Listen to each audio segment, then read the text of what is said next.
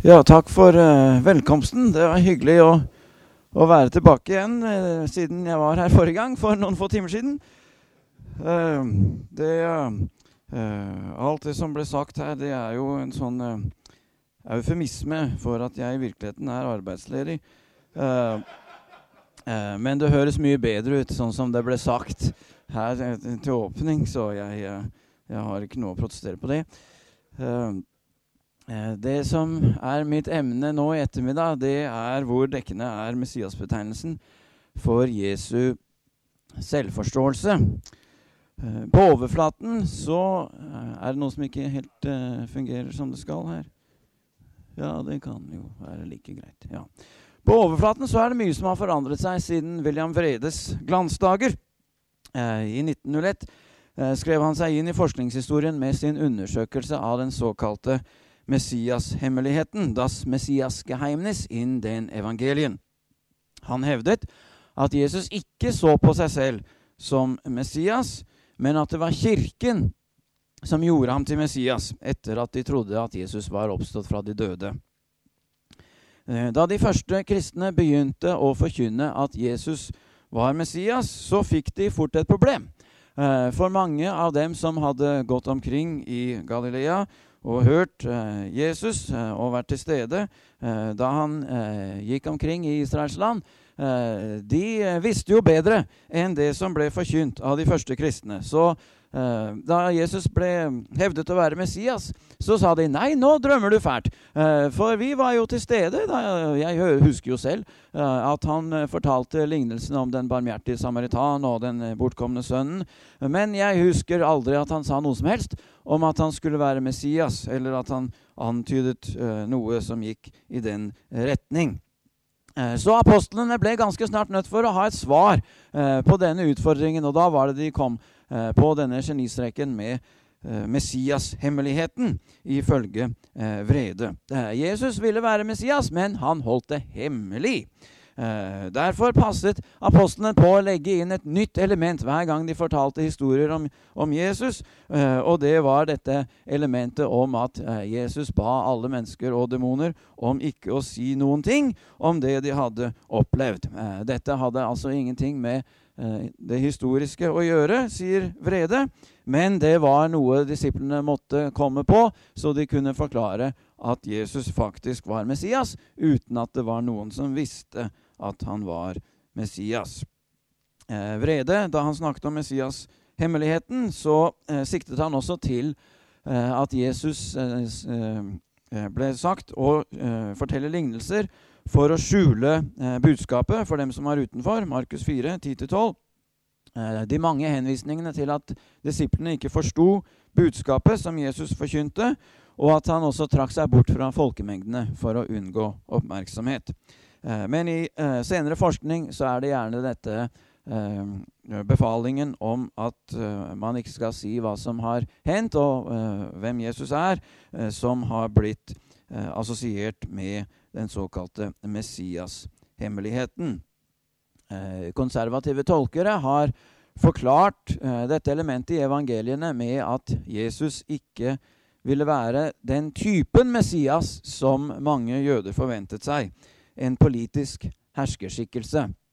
Eh, men Vredes forklaring har hatt mye større innflytelse, ikke minst pga. Rudolf Bultmann og hans arbeid med den historiske Jesus. Eh, I nyere forskning så stiller det seg ganske annerledes. Eh, nå er det mange forskere, ikke bare dem som befinner seg på fundamentalismens ytterste nakne ø, som holder det for ganske sannsynlig at Jesus mente seg å være Messias. N.T. Wright har med styrke hevdet at Messias-tittelen er selve kjernen i Jesu selvforståelse. men også litt mindre konservative forskere som eh, James Dunn og John Paul Meyer eh, kommer til helt tilsvarende konklusjoner. Eh, og til og med eh, jødiske forskere som David Flusser og Paula Fredriksen går veldig langt i retning av å tilskrive Jesus en messiansk selvforståelse. Eh, mye av årsaken til dette klimaskiftet er at Jesusforskningen nå fokuserer mye mer på Jesu jødiske sammenheng. Eh, alle Jesusforskere er enige om at Jesus var jøde, og at hans undervisning må forstås fullt ut i denne konteksten. Eh, dette høres jo så selvsagt ut at man kan bli fristet til å tenke på de avisoppslagene som forteller oss at nå har forskerne funnet ut noe som vanlige mennesker har visst bestandig, eh, som f.eks. at det skal være godt for ens helbred at eh, eh grine. Eh, eh, men det er ikke fullt så uskyldig som vi tror. Uh, I det enkle standpunktet at uh, Jesus er jøde, uh, så ligger det som regel en ikke så liten brodd mot konservativ kristendom. At Jesus var jøde, betyr at han ikke var kristen. at han skal forstås i sin jødiske kontekst, betyr at han ikke skal forstås i kirkens kristne kontekst. Og det gjør ganske stor forskjell om du forstår Messias-tittelen i jødisk sammenheng eller i kristen sammenheng. Eh, for kristne har Messias-tittelen blitt selve oppsummeringen på hvem Jesus er. Eh, det betyr at han er Guds sønn, eh, og det betyr igjen at han er av samme vesen som Faderen. At Jesus er Messias, betyr at han er den som døde for alle verdens synder, for å gi oss frelse og evig liv. Eh, men i en jødisk kontekst så betyr Messias-tittelen eh, noe litt annet. Det betyr at han var oppfyllelsen av løftet som ble gitt til David om at eh, han skulle ha en etterkommer som skulle ha et evig kongerike, der det skulle herske fred og rettferdighet. Dette riket skulle styres fra Jerusalem, og hedningene skulle bli underlagt dette riket. Eh, for jødene er derfor Messias en politisk skikkelse, en ny leder eh, for Israels folk. Eh, blant forskerne er det litt uenighet om denne Messias-skikkelsen var å forstå som en militær leder. Det er noen antydninger til det, men det er noe uenighet om tolkningen av dem. I alle tilfeller så er tyngdepunktet ikke på Jesu, eller Messias, unnskyld, eh, Messias militære eh, styrke, men på det at han er en rettferdig leder. men i alle tilfelle er det en politisk oppfatning av hvem Messias er. En som bringer et slags utopia. Eh, oppfatningen er ikke helt ulik eh, den enkelte kan ha til eh, politiske ledere i dag. Messias Eh, ifølge jødisk oppfatning skulle ikke dø for verdens synder, og han var slett ikke guddommelig, eh, slik som vi kristne forstår eh, det ordet. Messias kunne kalles Guds sønn, men da i den samme betydningen som et menneske som har et spesielt forhold til Gud. Sånn som kongen i Israel kalles Guds sønn i Salme 2,7, og sånn som Israel Folket Israel kunne kalles Guds sønn i 2. Mosebok 4,22 og Hosea 11.1. Eh, Messias var et menneske, om enn et unikt menneske. I Salmos salmer 17 eh, eh, så heter det f.eks. at han var syndfri. Så han var ganske enestående, men ikke guddommelig, sånn som vi tenker på det. Kristne spør ofte hva så med Jesaja kapittel 3,5 Og svaret er ganske enkelt. Eh, at sangene om Herrens tjener ble ikke tolket messiansk. Eh, hva Jesaja hadde i tankene da han skrev eh, kapittel 3,5 det må jeg overlate til de lokale GT-lærerne å svare på. Men mitt poeng det er at jødene på Jesu tid ikke forsto dette som en profeti om Messias. Eh, det kan tenkes at det fantes noen unntak. Eh, det er noen belegg som tyder på det. Men i det store og hele eh, så spiller ikke Jesajas profetier om Herrens lidende tjener noen rolle i jødisk Messias-forventning. Det normale var at disse sangene ble tolket om Israel selv. I Septuaginta f.eks. så har de helt klart tolket disse sangene på den måten og i kapittel 42 eh, så har de føyd til eh, ordene Jakob og Israel, eh, sånn at eh, Jesaja 42 eh, vers 1 lyder eh, Jakob er min tjener, som jeg støtter. Israel er min utvalgte, som min sjel har tatt til seg. Jeg har lagt min ånd på ham. han, altså Israel, skal føre retten ut til folkeslagene. Eh, når det gjelder Messias' guddommelighet, så henviser kristne gjerne til Jesaja kapittel 9, vers 6, der vi leser eh, For et barn er oss født, en sønn er oss gitt, herreveldet er lagt på hans skulder. Han har fått navnet Underfull rådgiver, veldig Gud, evig far, fredsfyrste. Eh, her fins det gode argumenter for å lese teksten slik at vi ikke har å gjøre med et blått og bart menneske, men med en skikkelse som befinner seg på samme nivå som Gud selv. Eh, nok en gang må jeg overlate det til den lokale ekspertise og forklare hva eh, profeten Jesaja mente med det han eh, skrev.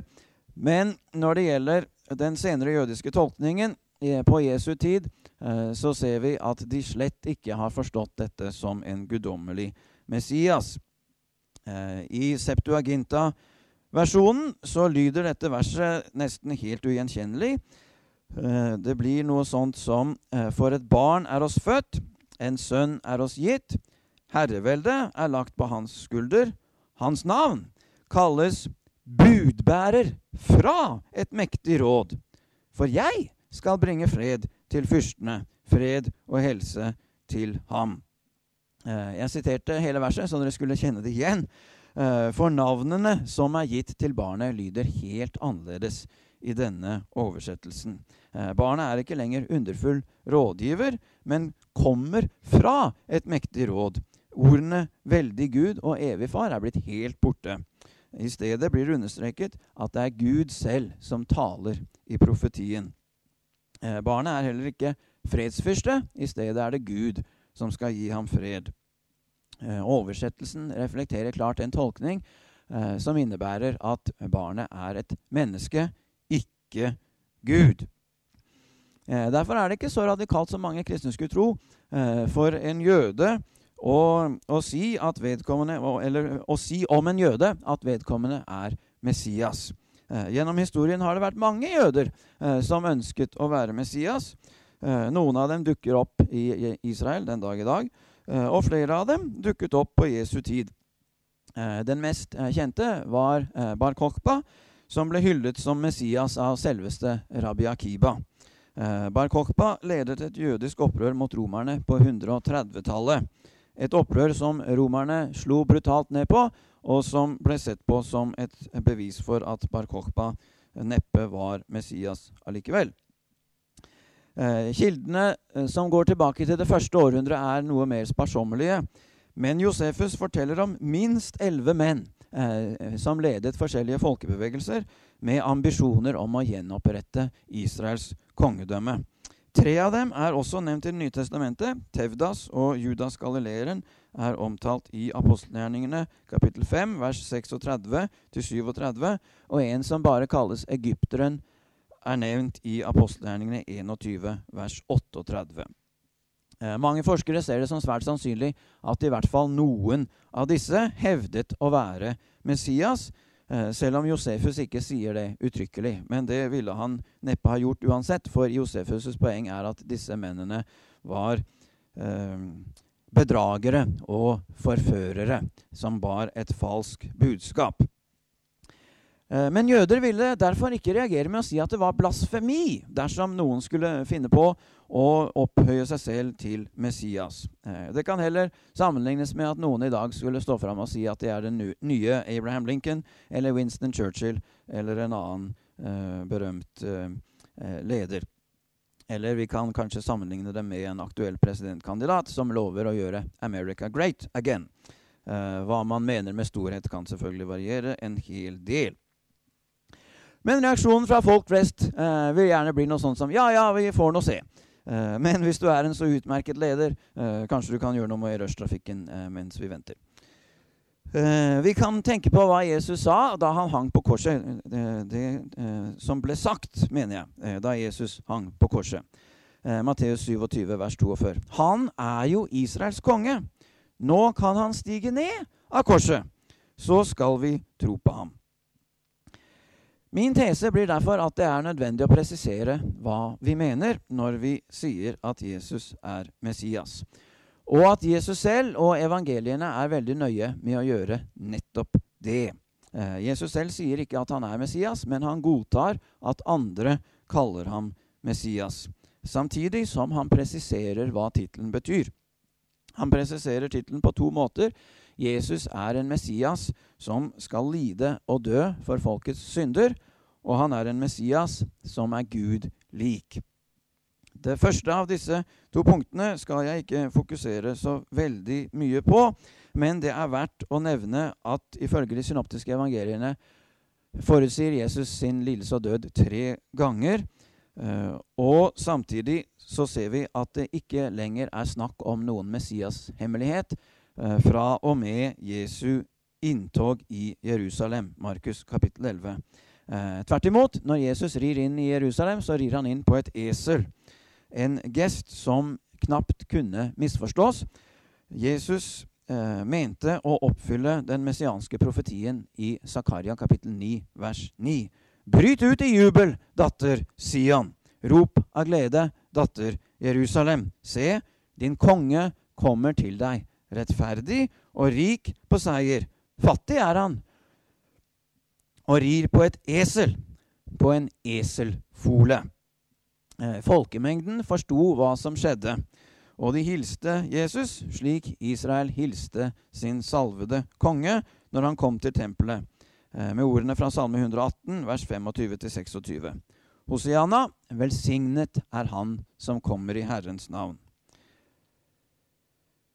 Eh, nå hadde tiden kommet for Jesus til å bli hyllet som Messias. Nå hadde tiden kommet da han skulle innsettes på tronen. Nå hadde tiden kommet da han skulle henges på et kors og dø. Når det gjelder den andre av mine to presiseringer, at Jesus er en guddommelig Messias, så kan vi finne den allerede i barndomsfortellingen i Lukasevangeliet. Eh, da engelen kunngjorde Jesu fødsel til hyrdene på marken, så sa han i Lukas 2,11.: I dag er det født dere en frelser i Davids by. Han er Messias, Herren. Dette er første gang Lukas bruker tittelen Kristos, Messias eller Kristus, i sitt evangelium. Og han er nøye med å definere tittelen. Eh, Jesus er Messias, Herren. Messias-tittelen får sin mening ut fra den andre tittelen som Lukas benytter, Herren. Eh, forskere hevder ofte at tittelen Herre i denne sammenheng er å forstå som en messiansk tittel, og de viser gjerne til Salmos salmer kapittel 17 vers 32, der vi leser at deres konge skal være Herren Messias. Men dette er en svært dårlig parallell til Lukas 2, 11. I realiteten ingen parallell i det hele tatt. Eh, Salomos salmer er blitt overlevert på gresk, men de ble etter alt å dømme opprinnelig skrevet på hebraisk. Eh, på bibelhebraisk er det to ord eh, som gjerne blir oversatt med 'Herre'. Det første er Guds navn, som vi nå tror ble, over, ble, ble uttalt Javé. og det andre er Adon, som kunne bli brukt både om Gud og om andre herrer. på hebraisk inneholdt Salomos salmer 1732 enten en genitiv konstruksjon Eh, Mashiach, eh, Yahweh, eh, som betyr Herrens Messias. Men som så har blitt feil oversatt til gresk fordi de ikke forsto genitivkonstruksjonen. Eller så er det en annen mulighet at det sto på hebraisk Mashiach Adon, som betyr Herren Messias, men som altså viser til en herre i en hvilken som helst betydning. Eh, hvis den første antakelsen er riktig, så har vi å gjøre med to helt forskjellige eh, betegnelser i eh, Salmo Salme 1732 og Lukas 2,11. Eh, hvis den andre antakelsen er riktig, så er det et helt annet hebraisk ord som ligger til grunn eh, i og Salmer 1732 eh, i forhold til Lukas 2,11. Eh, som Kevin Roe eh, har vist på en fremragende måte, så bruker evangelisten Lukas eh, ordet 'herre', gresk 'kyrias', på en svært bevisst og innholdsmettet måte. Han eh, bruker ordet ofte i barndomsfortellingen, og det forekommer første gang i Lukas 1,6. Der vi leser om Zakaria og Elisabeth. Begge var rettferdige for Gud og levde uklanderlig etter alle Herrens bud og forskrifter. Eh, her er Herren et synonym til Gud, så vi forstår at det er det hebraiske Javé som ligger til grunn, Guds navn i Det gamle testamentet. Eh, så, eh, så, så bruker Lukas dette ordet på den samme måten i vers 9, 11, 15, 16, 17, 25, 28, 32 og 38. Så det er veldig sterkt etablert at dette er navnet for Gud i Lukasevangeliet. Og det går tilbake til Guds navn, Javé, i Det gamle testamentet. Eh, slik gjør Det nye testamentet det konsekvent når det er snakk om sitater fra Det gamle testamentet eh, som refererer til Herren som Guds navn. I Lukas kapittel 1 vers 43 eh, så begynner Lukas å bruke dette navnet på en veldig sofistikert måte. Eh, for nå eh, bruker han det også som en henvisning til Jesus. Eh, og det blir etter hvert etablert som et navn som deles både av Gud, Fader, og av Jesus. Så når vi kommer til Lukas 2,11, så må vi lese dette verset i den litterære sammenhengen i Lukasevangeliet, ikke i sammenhengen Eh, til en parallell som ikke er noen parallell, fra et skrift som vi ikke har noen idé om Lukas noensinne kjente til. Eh, så i lys av den litterære sammenhengen så ser vi at engelens kunngjøring også fungerer som en presisering av hva slags Messias Jesus er. Han er en Messias som også deler Guds navn. Ifølge evangeliene så Eh, bruker eh, Jesus aldri uh, tittelen Messias om seg selv, men han godtar at andre bruker denne tittelen på ham. Det tydeligste eksempelet finner vi i beretningen om Jesu rettergang, slik den er gjengitt i Markusevangeliet, kapittel 14, vers 61-63. Igjen spurte øverstepresten, Er du Messias, sønn av den velsignede? Jesus svarte, Jeg er det. Og dere skal se menneskesønnen sitte ved kraftens høyre hånd og komme med himmelens skyer. Da flerret øverstepresten kappen sin og sa, Hva skal vi nå med vitner? Dere har hørt gudsbespottelsen. Hva mener dere? Alle fant ham skyldig til å dø. På spørsmålet om Jesus er Messias, svarer han bekreftende, men han føyer til og dere skal se menneskesønnen sitte ved kraftens høyre hånd og komme med himmelens skyer. Han former sitt svar som et bibelsitat, der han kombinerer Salme 110 vers 1 og Daniel kapittel 7 vers 13. I en av stridssamtalene med de skriftlærde så bruker Jesus også Salme 110 for å utfordre tanken om at Messias er Davids sønn. Eh, Markus 12, 35-37. Mens Jesus underviste på tempelplassen, tok han til orde og sa, Hvordan kan de skriftlærde si at Messias er Davids sønn? David selv har jo sagt ved Den hellige ånd, Herren sa til min Herre, Sett deg ved min høyre hånd til jeg får lagt dine fiender under dine føtter.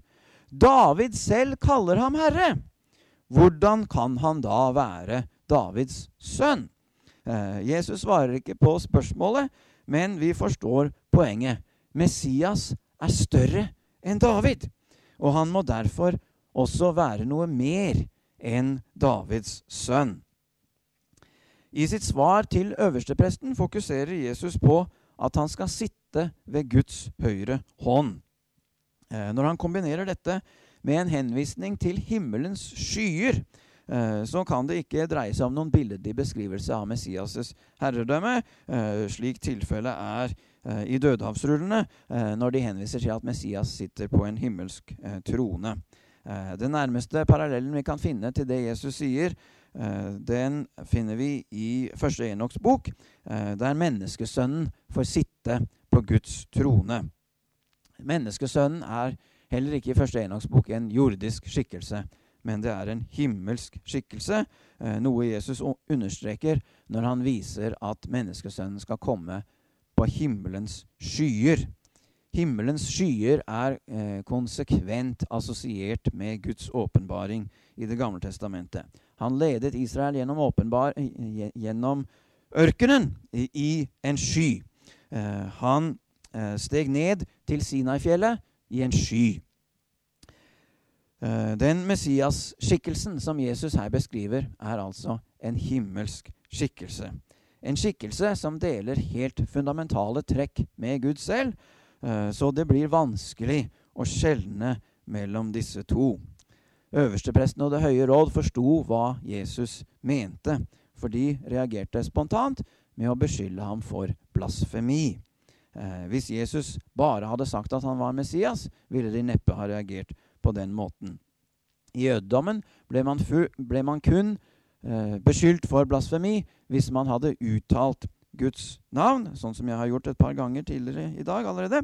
Eh, eller eh, hvis man hevdet å ha egenskaper som bare Gud hadde. Eh, og det Jesus gjorde, var å identifisere seg som Messias på en måte som gjorde at han eh, satte seg lik Gud. Eh, dette argumentet har jo ikke så veldig stor verdi for dem som ikke holder evangeliene for å være fullt ut historisk troverdige. Eh, de som tviler på eh, om Jesus mente seg å være Guds sønn, slik som de kristne har bekjent ham, de mener at det var Kirken selvfølgelig som gjorde Jesus til en gud. Og de få versene i de synoptiske evangeliene som kan brukes til å forklare at han forsto Messias-tittelen på en sånn måte, uh, de må være utformet av de første kristne, blir det hevdet. Jesus selv kan ikke ha sagt sånne ting. Når det gjelder beretningen om rettergangen, så må det jo innrømmes at kritikerne har et visst Eh, poeng. Eh, eh, selv om vi ikke nødvendigvis trenger å være enige i det som de hevder. Men spørsmålet blir hvordan visste evangelistene hva som ble sagt under Jesu rettergang? Evangelistene var jo ikke til stede. Ingen av disiplene var til stede heller, for de rømte alle sammen. Peter han satt i forgården, men han var ikke vitne til rettsforhandlingene. Så hvor kommer denne kunnskapen fra? Eh, kan det tenkes at evangelistene har tatt seg noen litterære friheter?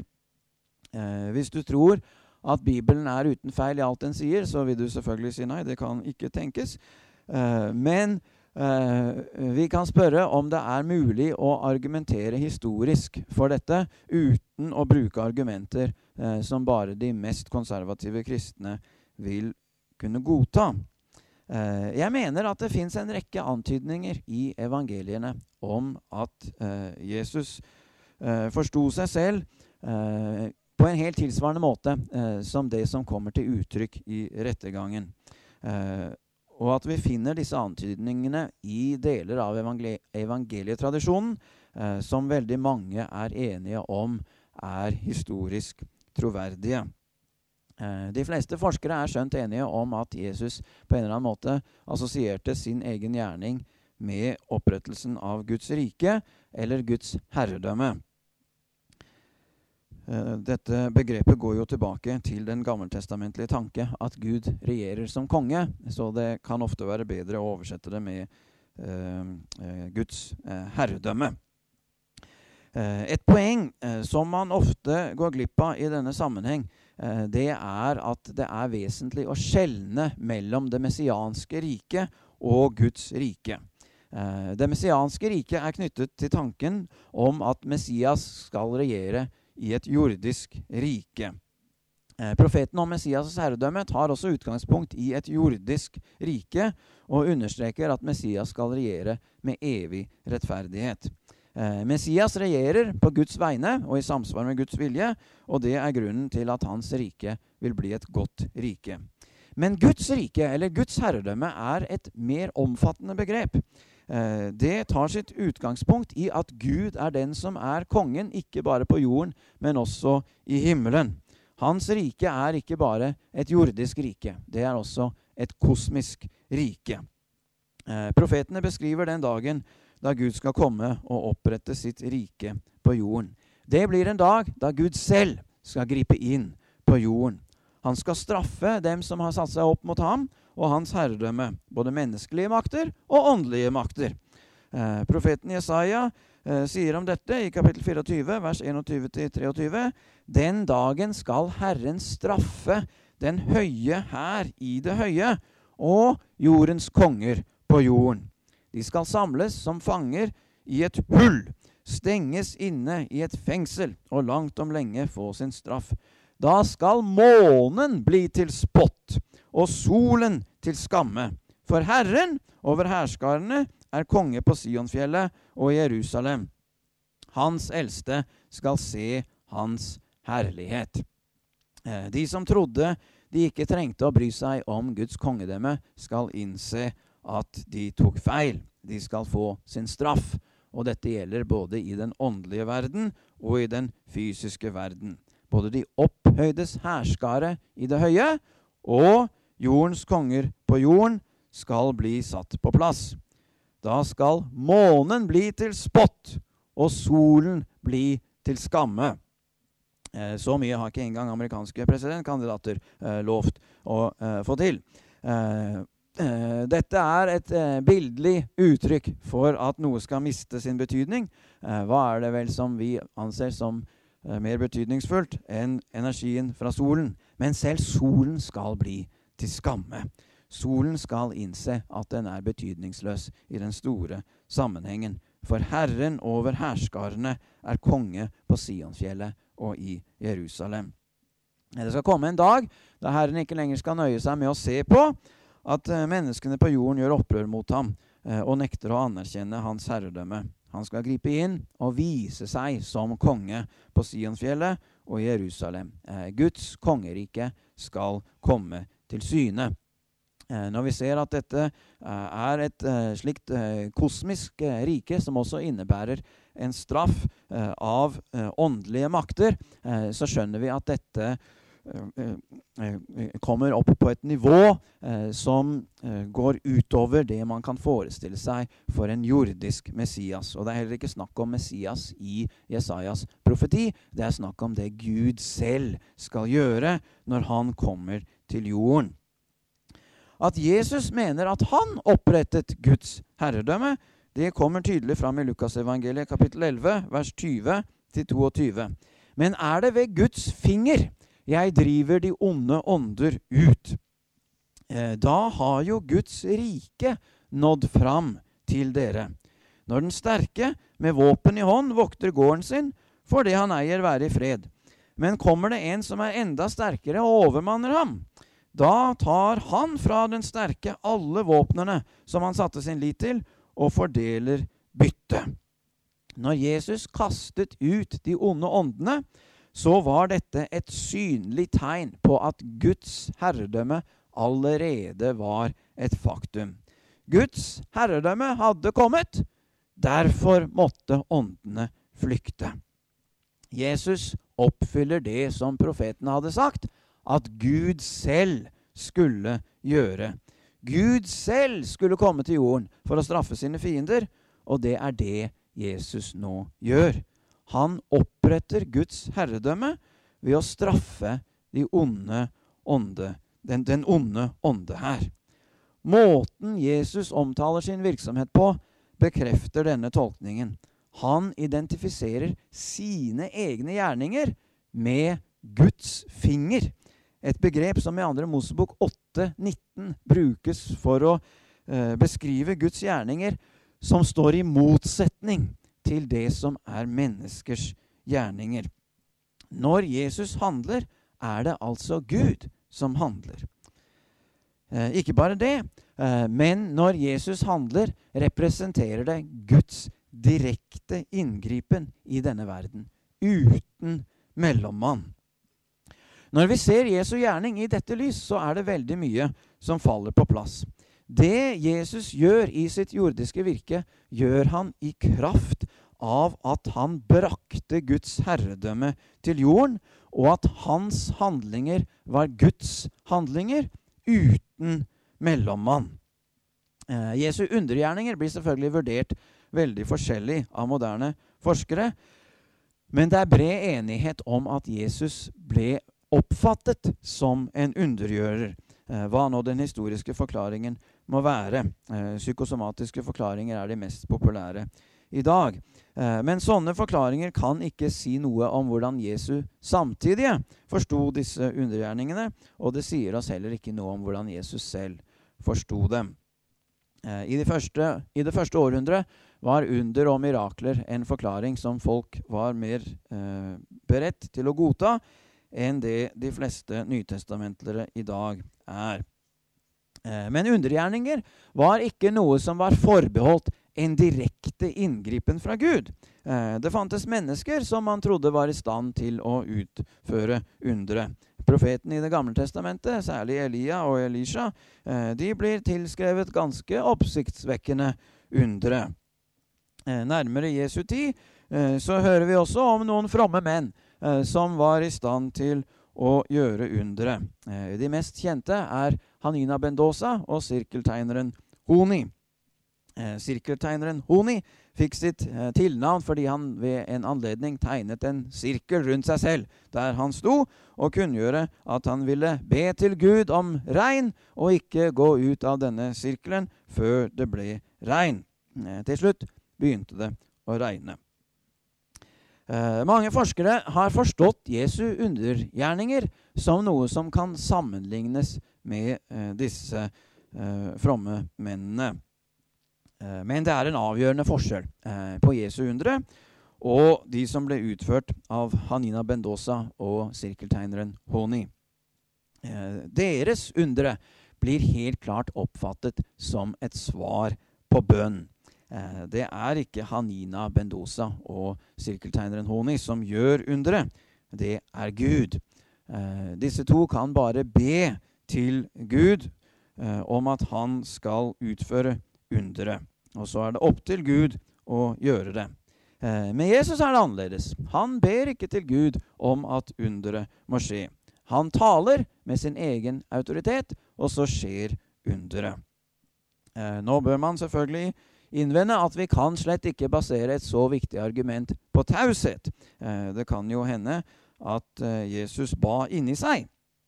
Men heldigvis er vi ikke helt utlevert til spekulasjon når det gjelder hvordan Jesus forsto sine undergjerninger. Eh, han forklarer det ganske tydelig når han får spørsmål fra døperen Johannes. Eh, eh døperen Johannes sendte jo noen som eh, skulle spørre Jesus om han var den som skulle komme, eller om de skulle vente en annen. Eh, denne episoden, som vi finner både i Matteus og Lukas, eh, blir ganske ofte ansett som autentisk. Eh, fordi det er nokså usannsynlig at de første kristne skulle ha skapt en historie som innebærer at selveste døperen Johannes har hatt sine tvil om Jesus. Eh, det er ikke sånn du eh, skaper troverdighet rundt en skikkelse som du vil at folk skal tro er Messias. Eh, Jesus' svar til døperen Johannes er veldig opplysende. Lukas 7, eh, vers 22-23. Gå og fortell eh, døperen Johannes hva dere har sett og hørt. Blinde ser, lamme går, spedalske renses, døve hører, døde står opp, og evangeliet forkynnes for fattige. Og salig er den som ikke faller fra på grunn av meg. Eh, Jesus siterer her fra en rekke profetier hos profeten Jesaja. Eh, den viktigste er fra kapittel 35, vers 5-6. Da skal blindes øyne åpnes, og døves ører lukkes opp. Da skal den lamme springe som en hjort, og den stummes tunge skal juble. For vann bryter fram i ørkenen og bekker i ødemarken. Eh, denne profetien nevner ikke Messias i det hele tatt. Det er ingen henvisning til noen som handler på Guds vegne, eh, eller eh, som er profet eller undergjører. undergjører. Det er Gud selv som gjør disse underne. For det Jesaja beskriver her, er den nye skapelsen som skal bli virkelighet når Gud selv kommer til jorden. Jesu poeng er at eh, det eh, han nå gjør for øynene på dem som er til stede, det representerer en oppfyllelse av det som Gud selv skulle gjøre. Det er Jesus som bringer den nye skapelsen. Hans undergjerninger er en demonstrasjon av at han i sin person bringer Guds herredømme. Han bringer den nye skapelsen. Intet mindre. Ikke et profetisk tegn på hva Gud kan gjøre, men selve den nye virkeligheten, den nye skapelsen, Guds herredømme, Guds nærvær på jorden.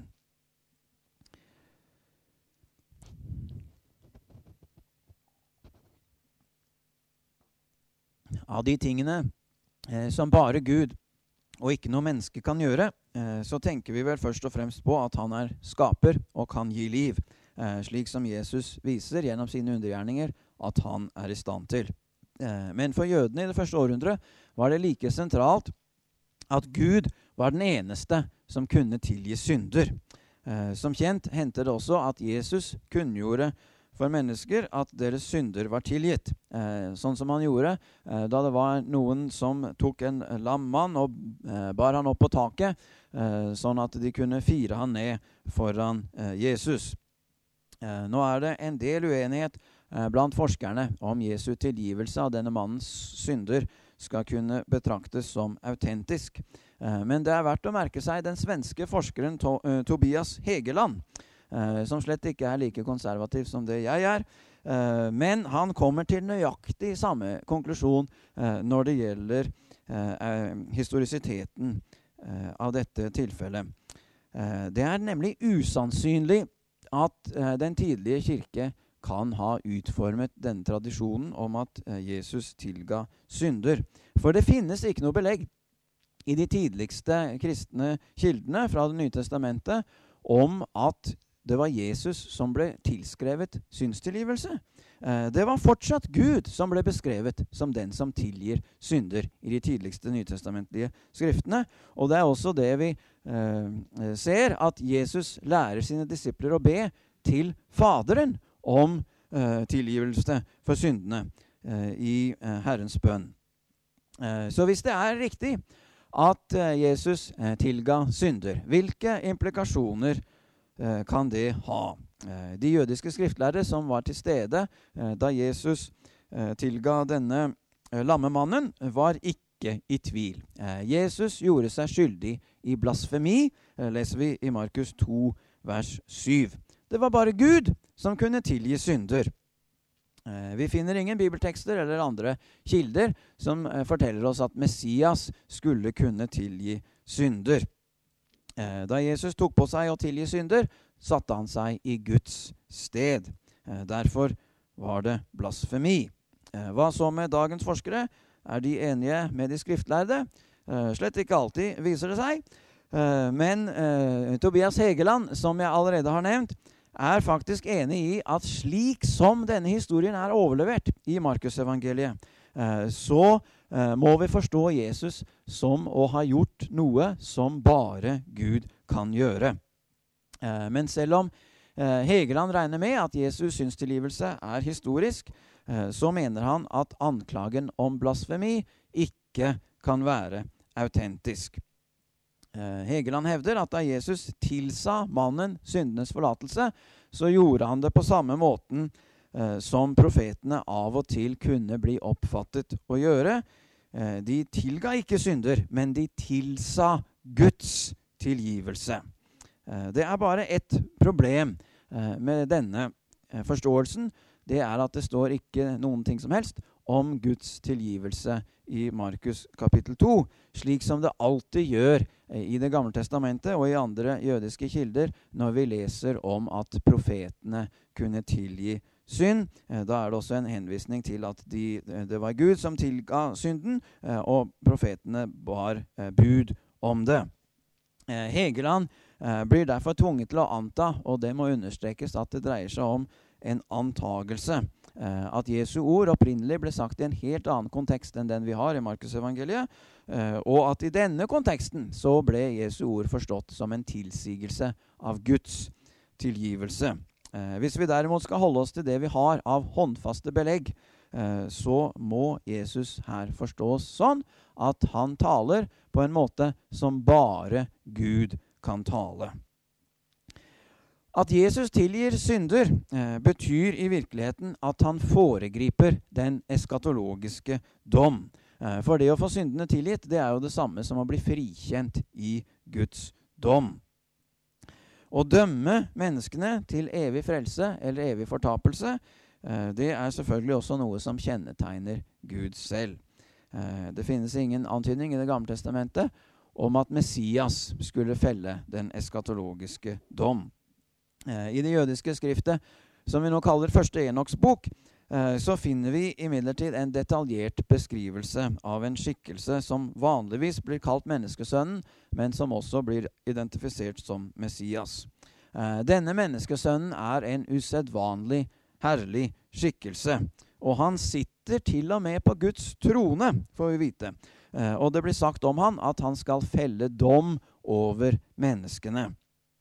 Eh, menneskesønnen i første Enoks bok forblir imidlertid underordnet Gud hele veien. Eh, når menneskesønnen feller dom, så feller han dom på Guds vegne og i Guds navn. Eh, menneskesønnen fungerer ikke som eskatologisk dommer ut fra sin egen autoritet, men med en autoritet han har fått fra Gud.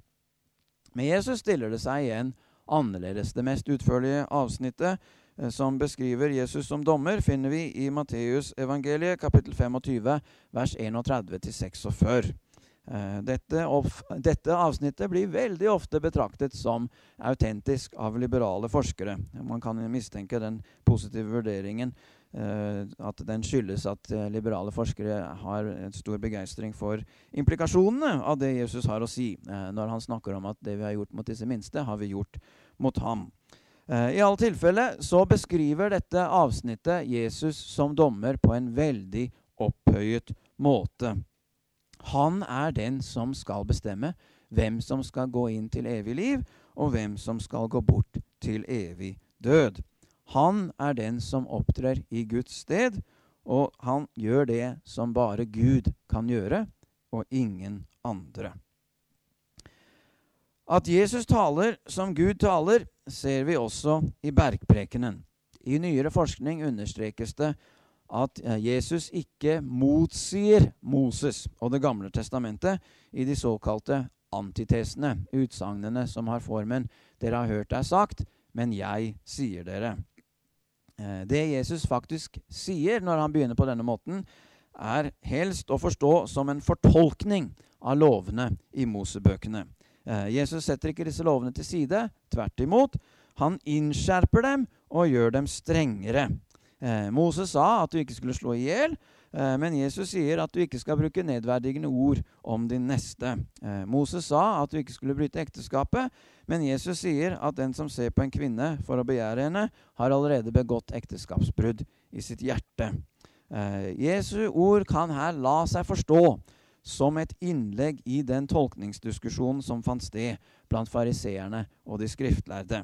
Og hans autoritet er i så fall ikke vesentlig annerledes enn den autoritet som enhver skrifttolker vil påberope seg.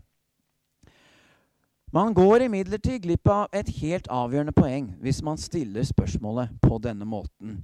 Motsier Jesus loven, eller bare tolker han loven? Eh, det vi må spørre om, er med hvilken autoritet er det Jesus uttaler seg når han sier eh, 'Dere har hørt deg sagt, men jeg sier dere'.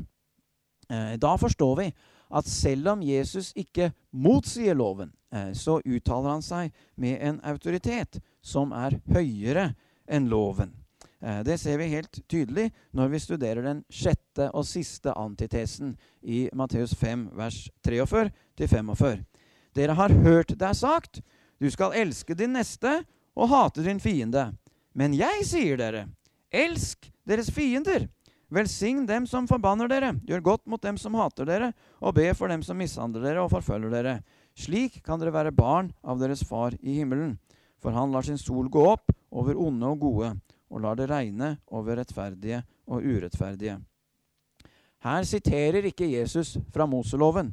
Han siterer fra en tolkning av Moseloven. Vi har funnet helt tilsvarende tolkninger i dødehavsrullene fra Kumran. Jesus motsier denne tolkningen direkte. og fremholder nøyaktig det motsatte. Eh, du skal ikke hate dine fiender, du skal elske dem. Eh, vi legger merke til at Jesus bruker nøyaktig den samme innledningen i dette tilfellet som han har gjort alle de andre gangene. Dere har hørt det er sagt, men jeg sier dere.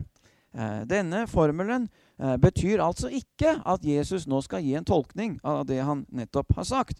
For det gjør han slett ikke i Matteus 5, 43 til 45. Eh, denne formelen sier at Jesus nå vil uttale seg med en høyere autoritet enn det han har sitert i det foregående. I Matteus 5, 43-45 så bruker han denne høyere autoriteten til å motsi den tolkningen som han siterer. I de andre tilfellene så bruker han sin egen høyere autoritet til å gi en innskjerping av de budene han siterer. Eh, det han gjør i antitestene, er egentlig noe mer enn å tolke. Det er å kunngjøre en mer fullkommen lov. Det kan vi se tydelig i eksempelet om skilsmisse i Matteus 5, 31-32. Det er sagt den som skiller seg fra sin kone, skal gi henne skilsmissebrev. Men jeg sier dere, den som skiller seg fra sin kone av noen annen grunn enn hor, han blir skyldig i at det begås ekteskapsbrudd med henne. Og den som gifter seg med en fraskilt kvinne, bryter ekteskapet. Eh, Moseloven sier hva du skal gjøre når du tar ut skilsmisse. Jesus begir seg ikke inn på noen tolkning av dette.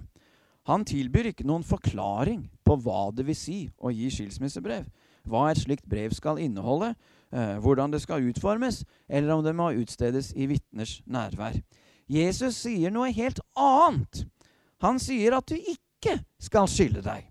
Eh, Jesus taler med en annen og høyere autoritet enn Moses, enda Moses talte Guds eget ord.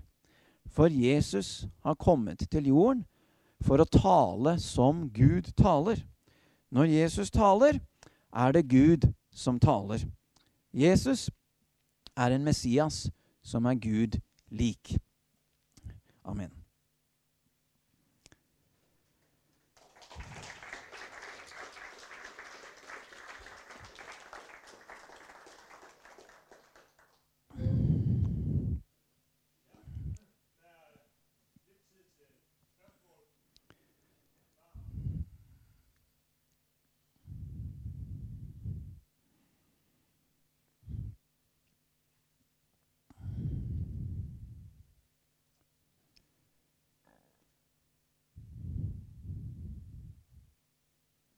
Ja, det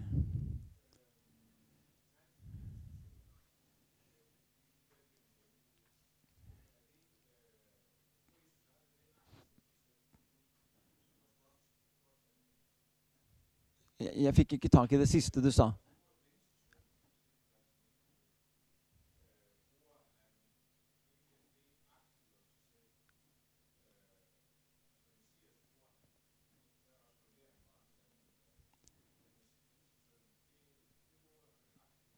Ja. ja.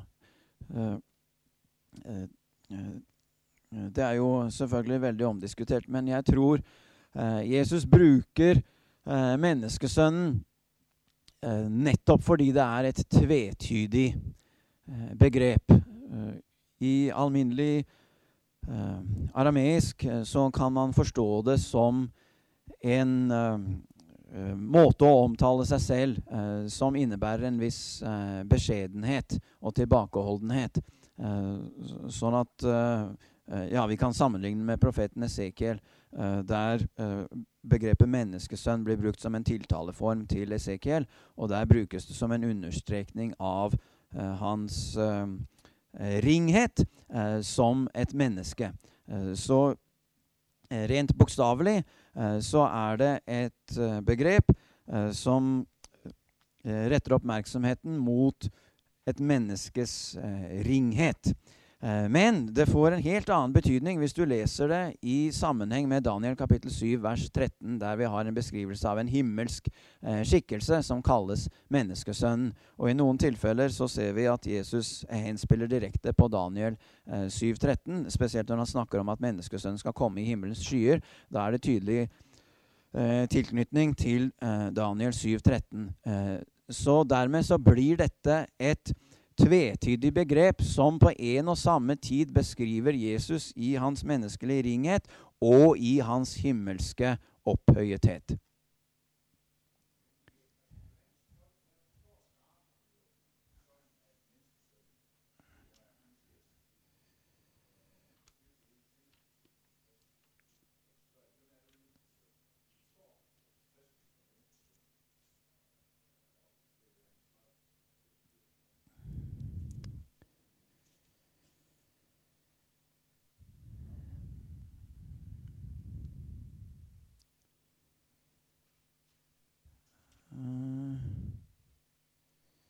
Ja, jeg er, ikke, jeg er, ikke, sikker på om de forstår menneskesønnen som Messias.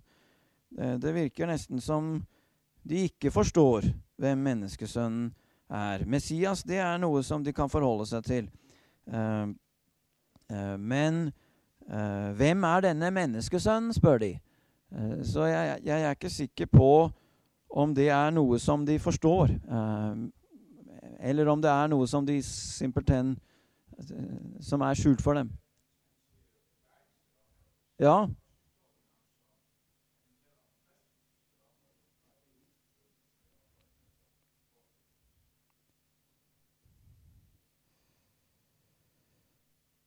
Uh, uh, uh, ja, men jeg, jeg, er ikke sikker på om de forstår hva det betyr at han kalles menneskesønn. Det er, det, er det jeg mener. ja.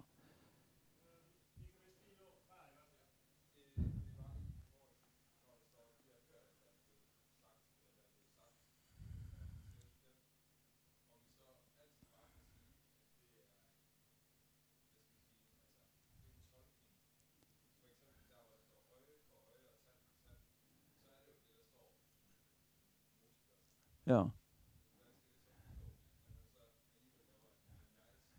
Ja. Uh, ja, jeg, jeg, mener at det er litt misvisende å kalle det en tolkning. Uh, fordi han kommer med noe mer. Han kommer med noe nytt. Uh, han forklarer ikke hva dette be betyr, simpelthen. Han, han gir en, et, et, nytt nivå i, i, forståelsen av hva Guds vilje er.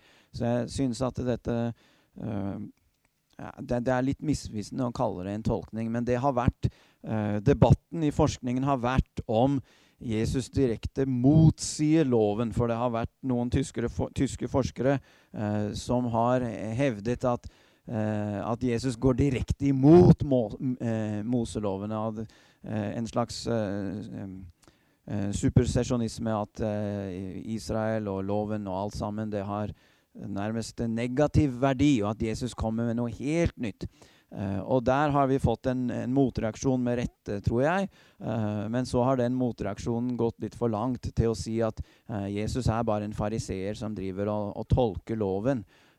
og det, det syns jeg blir å, å, trekke tolkningsbegrepet veldig langt. så jeg, jeg, liker ikke å, å, å bruke det begrepet om Jesus i bergprekenen.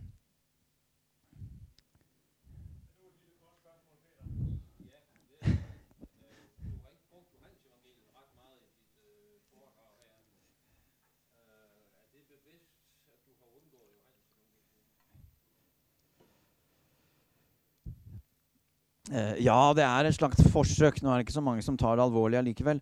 Uh, uh, men, men, det jeg har gjort, det er et slags forsøk på å argumentere i en sammenheng der evangeliene ikke nødvendigvis blir betraktet som historisk troverdige, og i hvert fall ikke Johannes-evangeliet.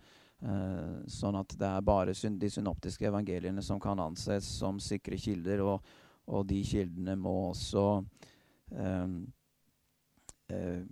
undersøkes nøye for å finne ut hva som kan eh, aksepteres.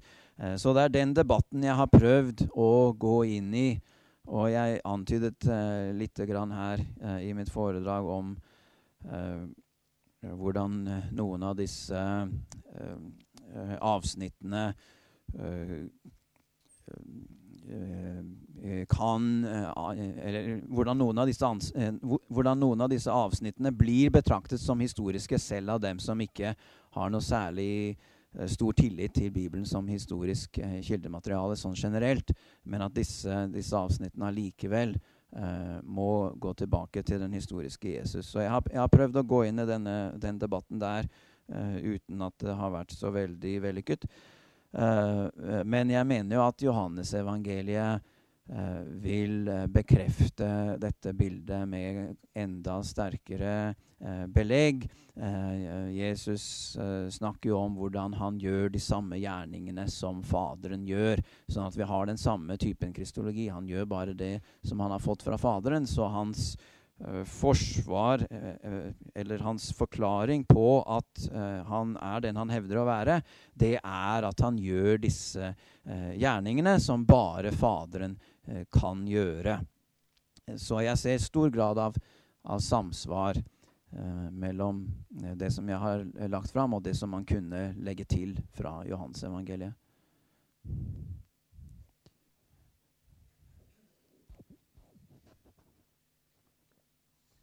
Tusen takk fordi du vil lave en mellomlanding.